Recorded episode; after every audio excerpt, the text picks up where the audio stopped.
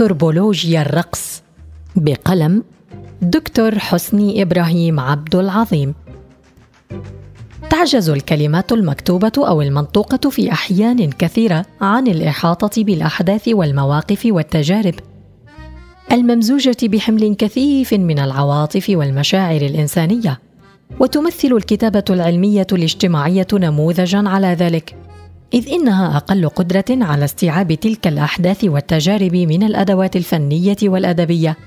ولذلك يناضل علماء الأنثروبولوجيا باستمرار من أجل تطويع اللغة لفهم وتمثل تعقيدات الحياة الاجتماعية في المجتمع الإنساني. والحق أن ثمة وسائل أخرى أكثر نجاعة في التعبير عن المشاعر الإنسانية والخبرات الوجدانية والتجارب الاجتماعية العميقة. إنها الفنون بمختلف تجلياتها الموسيقى الرسم النحت الرقص إلى آخره. فهي تتداخل وتتشابك مع كل العمليات الاجتماعية وتتبادل معها المعاني والرؤى والدلالات.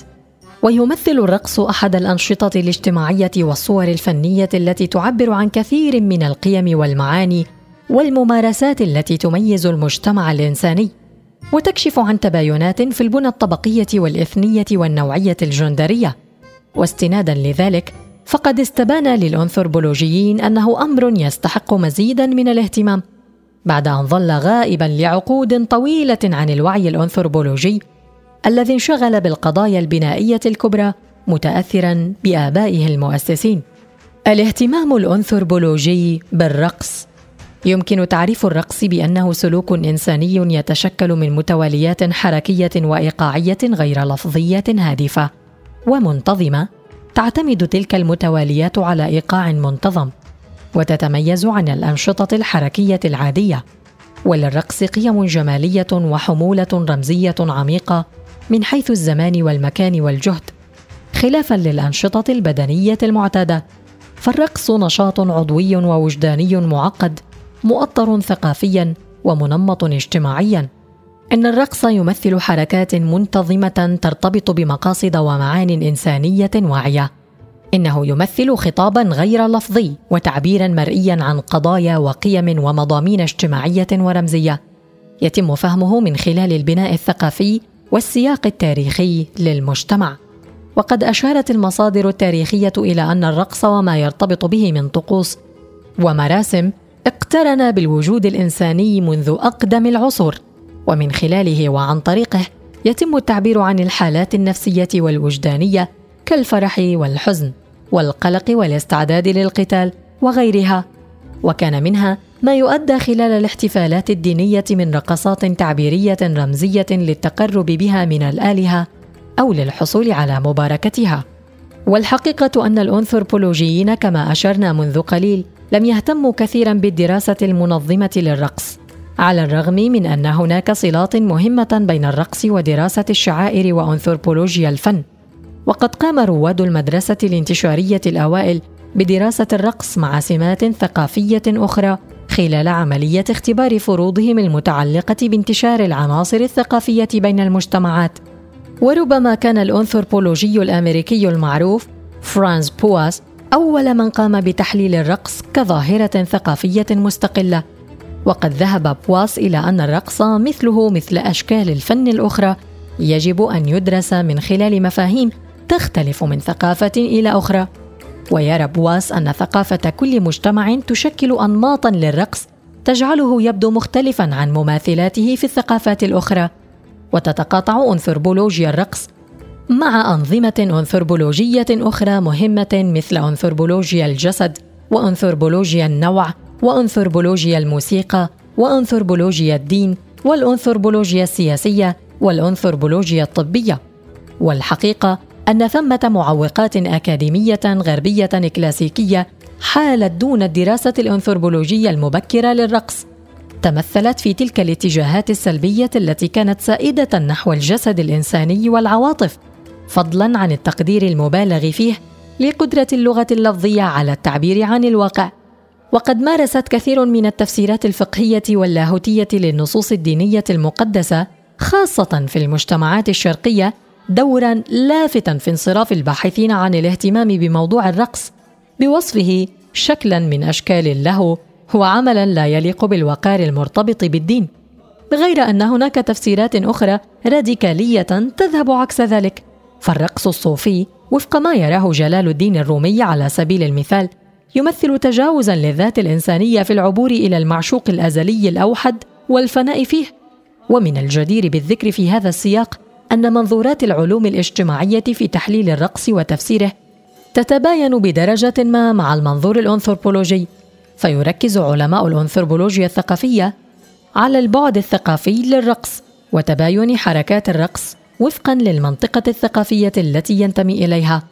وتذهب الاتجاهات الوظيفية في الأنثروبولوجيا الاجتماعية إلى أن المعاني الكامنة خلف الحركات الراقصة ترتبط بنسق الشخصية وتنوع النظم الاجتماعية بينما تركز الدراسات البنائية على تحليل بنية الحركات البدنية من حيث المكان والزمان والجهد المبذول أو الخطوات والمراحل وقواعد الجمع بين كل منها والانتظامات المكونة لشكل الرقص.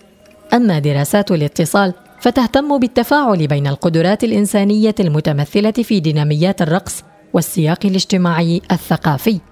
والواقع أن الرقص لم يكن ابدا في قلب اهتمامات الأنثروبولوجيا الاجتماعية البريطانية أو الأوروبية وكان يتم تجاهله لصالح الأشكال اللفظية والمادية للتعبير الثقافي. أو يتم حصره في إطار تحليلات الشعائر الدينية. وعلى الرغم من المقالة اللافتة لمارسيل موس عام 1936 بعنوان تقنيات الجسد فإن معظم الجهود الأنثروبولوجية لدراسة الموسيقى والرقص اطلع بها باحثون أمريكيون في تقليد بدأ مع بواس وامتد إلى ميلفن هيرسكوفيتش وجورج هيرزوج وغيرهما. وعندما بدأ الأنثروبولوجيون في دراسة الرقص كان معظمهم يفتقر إلى فهم عناصر حركات الرقص ويفتقرون كذلك للتدريب اللازم لربط الصور المرئية بالعناصر اللفظية. ونتيجة لذلك كان وصف الرقص وفهمه محدودا جدا حتى منتصف القرن العشرين. ومنذ سبعينات القرن الماضي بدأ الاهتمام بالأبعاد المعرفية للصور المرئية الثابتة والمتحركة التي تتضمن الرقص وغيره من الأنشطة الجسدية. يمثل كتاب أنثروبولوجيا الرقص Anthropology of Dance للباحثة الأمريكية آنيا باترسون رويس الذي صدر في عام 1977 منعطفا مهما في التحليل الأنثروبولوجي للرقص. فرويس التي تلقت تدريبا في الرقص بجانب عملها الأنثروبولوجي مزجت الرؤى النظرية والأدوات المنهجية في تحليل الرقص وانطلقت من قضية أساسية مفادها أن الرقص لا يمكن فهمه بشكل مستقل عن البنية الثقافية التي يوجد فيها ولذلك ينبغي تحليله كظاهرة فريدة بكل ثقافة حتى وإن تشابه في بعض حركاته مع رقصات معينة في ثقافات أخرى. ويعد هذا الكتاب الآن مرجعا اساسيا لكل المهتمين بدراسات الرقص وجوانب تحليله المختلفة. وتواترت بعد ذلك الجهود العلمية لدراسة الرقص. وأضحت أنثروبولوجيا الرقص منطقة معرفية خصبة وممتعة. وأنجز الباحثون فيها العديد من الرؤى والأطروحات المتعددة والمتنوعة التي أماطت اللثام عن الكثير من جوانبه وتفصيلاته كما أسسوا منهجيات معتبرة لدراسته.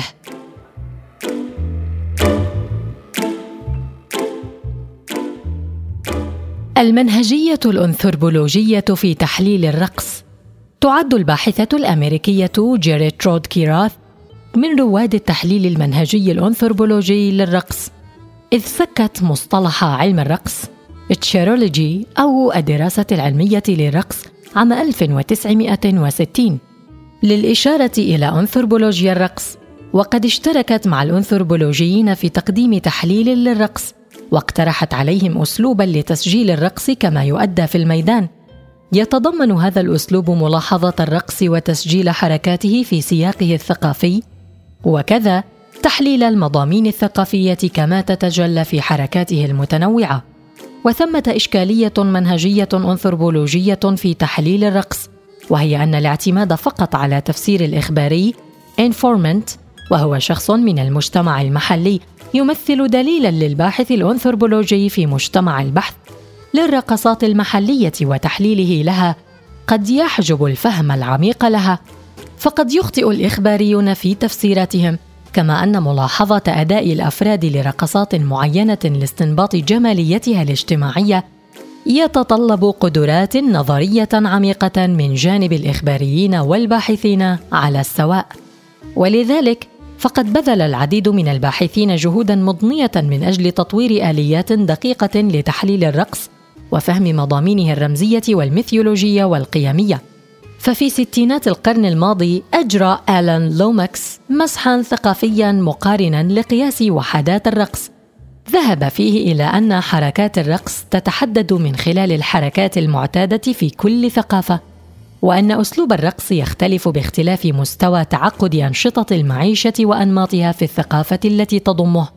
وكشف لوماكس أن ثمة تكاملا بين الموسيقى والرقص والجوانب الاجتماعية والاقتصادية والثقافية للمجتمع. وأجرى بعض الباحثين في فترات لاحقة تحليلات للرقص باستخدام نماذج مستمدة من علم اللغة البنيوي والأنثروبولوجيا البنيوية. من ذلك مثلا تحليلات كيبلر في نهاية السبعينات لرقصة التونغا. على أساس وحدات الحركة kinemes التي تتحد مكونة اشكالا حركية واقترحت كيبلر تحليل الرقص في ضوء ما أسمته نظم الحركة الإنسانية في الثقافات المختلفة حيث أن ثمة فروقا في المضامين الرمزية والاجتماعية للرقص وفق البنية الثقافية. فهناك مثلا رقصات طقوسية كالرقصات الدينية ورقصات شعائر المرور ورقصات مرتبطة بالأنشطة والمناسبات الاجتماعية والاقتصادية المختلفة كرقصات الحصاد والميلاد والوفاة. وحاول ويليامز تطوير القواعد الحركية للغة الرقص وذلك في دراسته عن البناء العميق للرقص. ومن ناحية أخرى تناول بعض الباحثين الفوائد الصحية والنفسية للرقص اعتمادا على ما أثبتته بعض الدراسات والتجارب المهتمة بعلاج التوتر وتخفيفه من أن النشاط البدني للرقص يحدث تغييرات عاطفية وتحولات وجدانية في الجانبين الروحي والدنيوي العلماني للفرد. فالرقص قد يزيد من طاقة المرء وينمي إحساسه بالحيوية ويعمل على تنشيط الدوره الدموية التي تنقل الأكسجين إلى العضلات والدماغ بالإضافة إلى تعديل مستويات بعض المواد الكيميائية بالمخ. ويعمل الرقص القوي على إطلاق الإندروفين الذي يعتقد أنه ينتج راحة وبهجة كبيرة. وبالإضافة إلى ذلك فالرقص نشاط ترفيهي لشغل وقت الفراغ ومصدر من مصادر المتعة الحسية والوجدانية ويعد بصورة ما شكلا من أشكال التمارين الرياضية كما أنه وسيلة لإطلاق الخيال حيث يتحرر الراقص من التحكم في نفسه ومن ثم يكون في مأمن من أي قوى تتحكم فيه. فالرقص يمثل استعراضا مثيرا للذات وللجسد مصحوبا في ذات الوقت بقدر مساو من نفي الذات والجسد من خلال الذوبان في المضامين الرمزية للرقص. البنية الرمزية للرقص. إن الرقص بوصفه شكلا رمزيا يمثل الناس من خلاله أنفسهم لأنفسهم ولبعضهم بعضا. وقد يكون الرقص دلالة في ذاته أي قيمة تعبيرية عن حيوية الذات والجسد. إن الدلالة جزء لا يتجزأ من عملية التواصل اللفظي وغير اللفظي. ويعد الرقص وسيطا محوريا للتواصل الاجتماعي في ثقافات عديدة. إنه يتطلب نفس القدرات الدماغية اللازمة لإدراك التعبير الإبداعي والذاكرة مثل اللغة المنطوقة. قد لا نلاحظ عند تحليل الرقص كما هو الحال في اللغة المنطوقة والمكتوبة العمليات والبنى الثقافية الكامنة خلف الحركات المتنوعة.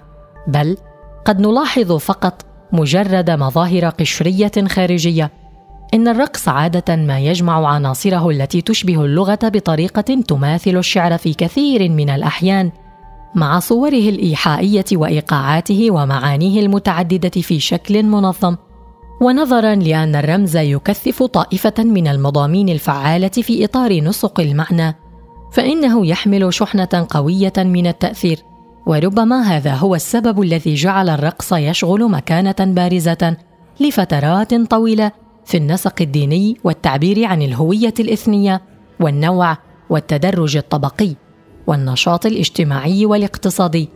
قد تؤثر دلالات الرقص في عملية التنشئة الاجتماعية والتواصل الثقافي وتدعم انماطا محددة من السلوك الاجتماعي.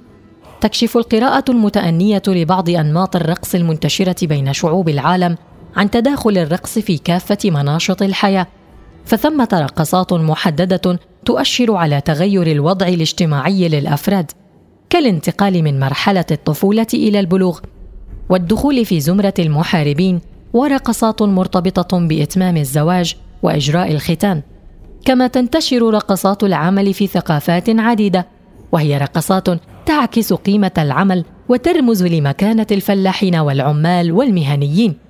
فتحكي بعض الرقصات في اليابان ومدغشقر خطوات زراعة الأرز وحصاده.